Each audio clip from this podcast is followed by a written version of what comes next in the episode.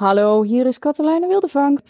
Ik uh, wil het hebben over beelddenken. In de gelukspyramide komen allerlei onderwerpen langs en uh, ik vond het leuk om echt even een breinonderwerp te nemen. Waarom vind ik beelddenken nou interessant?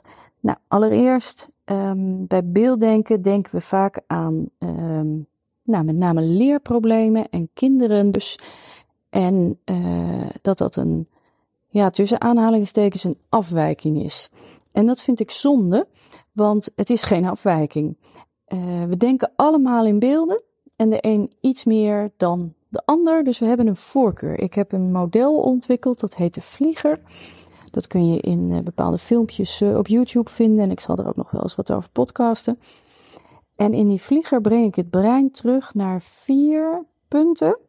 De vier punten van de Vlieger. Uh, wat de belangrijkste onderdelen zijn van je brein als je het hebt over communicatie met jezelf en met anderen. Uh, de eerste is uh, je analytische, talige deel van je brein. Dat is de linkerpunt op de vlieger. Dat is het deel wat, wat in taal denkt, wat lineair denkt. Dus van A naar B naar C naar D, van 1 naar 2 naar 3.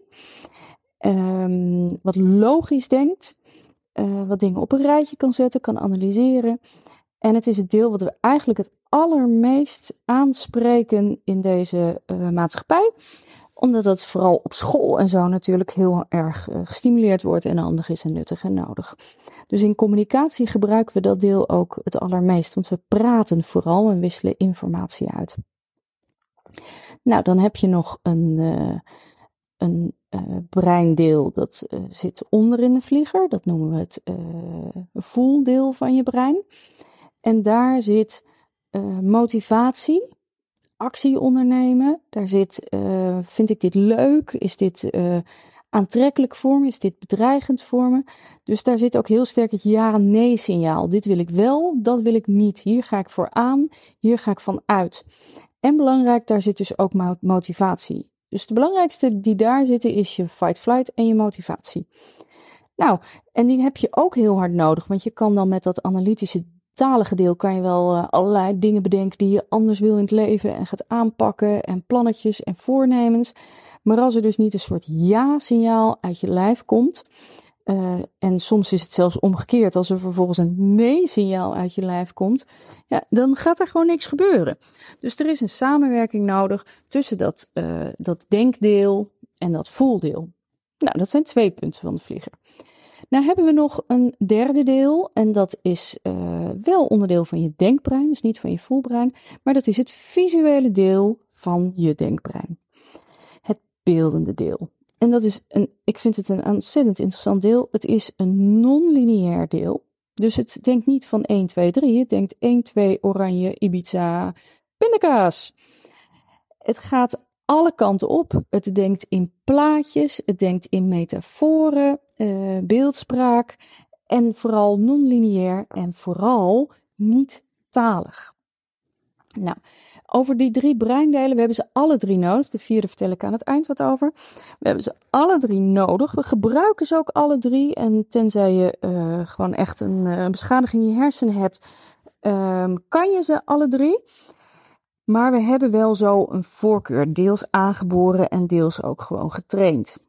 Nou, als je nou een voorkeur hebt voor dat beeldende deel van je brein, dus om in beelden te denken, dan heb je een aantal onwijze kwaliteiten. Want, wat ik al zei, het is een non-lineair denkend breindeel. Dus, je, uh, dus het is heel erg gekoppeld aan creativiteit, aan out of the box, aan anders denken. Um, het uh, maakt in dat, als je in dat breindeel actief bent, kun je uh, allerlei dingen met elkaar verbinden die uh, eerst helemaal niet logisch met elkaar verbonden lijken te worden. En dat je dan later denkt van, oh ja, maar het klopt eigenlijk wel. Dus het is, het is als je daar, daarvan houdt, is het een heel tof deel om lekker in alle kanten op te gaan en allerlei mooie creatieve nieuwe ideeën te hebben. Wat ook fijn van dit deel is, is dat het eigenlijk een heel positief deel is. Want het is van nature, denkt het in mogelijkheden en in oplossingen. Terwijl dat analytische talige deel, Daar zit vaak wat meer een zeikstemmetje van. Zou je dat nou wel doen? Is dat nou wel verstandig? Daar zit, uh, het, uh, ja, dat kan nou eenmaal niet, zit daar veel. Terwijl in dat visuele deel van het brein zit, uh, zitten mogelijkheden. Het kan wel. Ik weet nog niet hoe, maar het kan wel. Ik zie het voor me. Oftewel, het is een heel leuk breindeel. Maar met name uh, in de communicatie met anderen heeft het een groot nadeel. Want als jij heel erg in dat visuele deel van het brein zit, dan zie je het voor je, dan is het allemaal met elkaar connected, is het glashelder voor je. Maar hoe breng jij jouw enthousiasme en al je mooie ideeën en dat wat voor jou echt klip en klaar is, over aan een ander? Nou, meestal heb je daar woorden voor nodig. En iemand die actief is in het visuele deel van het brein komt natuurlijk niet zo makkelijk bij woorden. Nou, dan heb je uh, twee reacties vaak erop. De ene reactie is dat iemand die een visuele voorkeur heeft, heel veel woorden gaat gebruiken in de hoop succesvol te zijn in, in overdragen van wat er van binnen nou zo cool en gaaf allemaal eh, gezien en bedacht wordt. Dus dan wordt een beelddenker een spraakwaterval.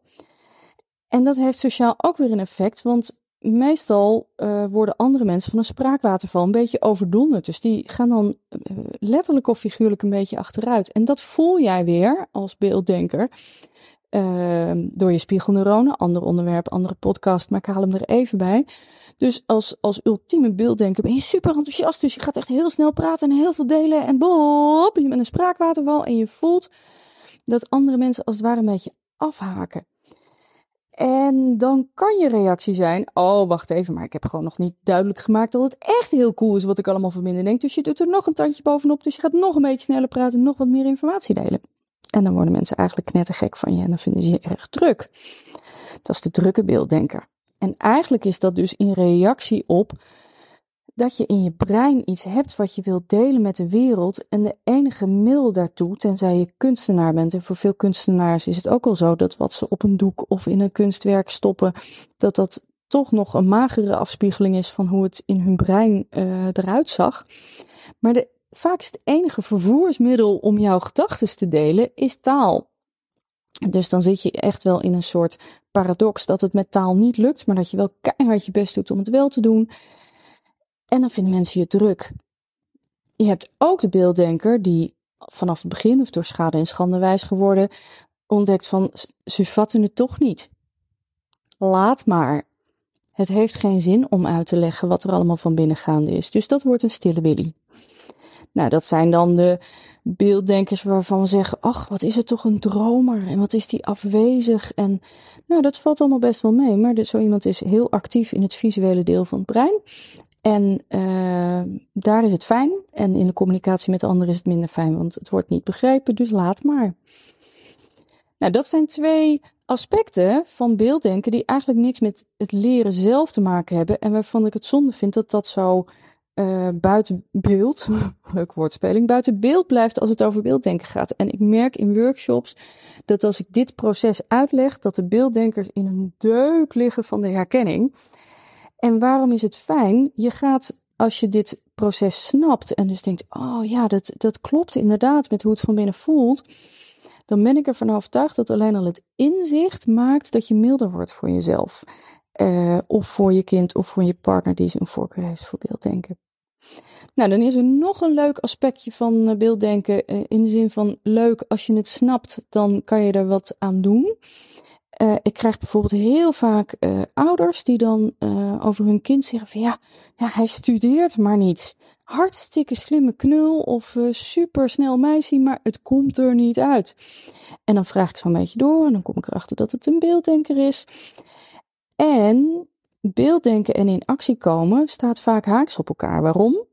Ik heb aan het begin al gezegd, um, dat, dat limbische brein, dat, dat volbrein, daar zit de motivatie. Dus dat is het deel van het brein dat zegt ja, gaan we doen of nee, ik vind het niks. Dus om van een idee of van een voornemen naar actie te komen, heb je nodig dat dat volbrein meedoet. Nou, dan pakken we even hoe gaat het bij een beelddenker. Er gaat een lampje aan ergens van binnen. Uh, hij of zij heeft een idee, heeft allerlei dingen creatief aan elkaar geknutseld en denkt: nu moet ik hier een stageverslag van maken, of ik moet een project uitvoeren, of ik moet wat gaan doen. Dan moet er dus een ja-signaal komen vanuit dat volbrein.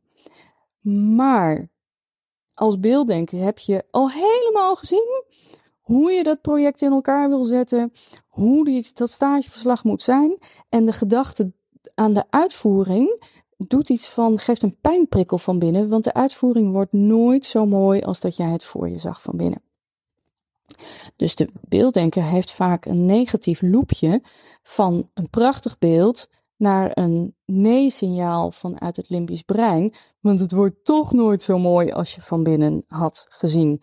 Dus dan kun je maar beter gewoon bij het mooie plaatje in je hoofd blijven en de uitvoering en de realiteit laten voor wat het is. Zo iemand is dus niet lui. Zo iemand heeft een, uh, ja, in de NLP noemen we dat een uh, visuele kinesthetische koppeling. Dus tussen een fijn beeld en een naar gevoel, en dus kom je niet in actie. Ook daar merk ik dat als ik dat uitleg aan mensen die een voorkeur hebben voor beelddenken, dat het een feest herkenning is van, oh, dus daarom kom ik niet in actie. Nou, dan heb ik drie punten van de vlieger benoemd. En de vierde, dat is de bovenkant. En eh, als jij een beelddenker bent, dan heb je het nu al voor je gezien. En als je niet echt een voorkeur hebt voor beelddenken, dan heb je misschien behoefte aan dat er nog een plaatje bij komt. En uh, nou, dat heb ik in andere filmpjes. Um, de bovenste punt is de prefrontale cortex. En dat is eigenlijk gewoon de baas in huis. En als het fijn is, is dat een liefdevolle baas. Dat is degene die waarneemt: wat ben ik aan het doen? Wat voel ik erbij? Welke gedachten heb ik erbij? Is dit handig? Is dit wat ik wil? Dus de prefrontale cortex stuur je, daarmee stuur jij je brein aan. Als je bewust bent dat je een prefrontale cortex hebt en als je een beetje thuis bent in het principe ik kan mijn brein aansturen. Dat is een kwestie van trainen. Maar alleen al met deze kennis kan het zo zijn dat je nu bewuster bent van oh, ik heb een goed idee en ik ga een beetje dicht van binnen en daarom voer ik het niet uit. Ik ga eens onderzoeken of ik me er toch overheen kan zetten. Dan zet je je prefrontale cortex aan. Dan ga je op zoek naar andere manieren om toch gemotiveerd te zijn om, uh, om het uit te voeren. Uh, ik kan me heel goed voorstellen dat deze podcast nu oproept van ja, en, en hoe dan nu verder? Voor nu wil ik het hierbij laten, omdat ik oprecht uh, de ervaring heb en ook de overtuiging heb dat voor mensen met een voorkeur voor beelddenken deze kennis alleen al het makkelijker maakt. Dus ga eens met deze bril op de komende tijd naar jezelf of naar uh, degene om je heen die, eh, die in, vooral in beelden denkt. Uh, ontdekken van uh, herken ik dit, waar gebeurt dit en inderdaad uh, sla ik daarom dicht in communicatie of is dat de reden dat ik niet in actie kom.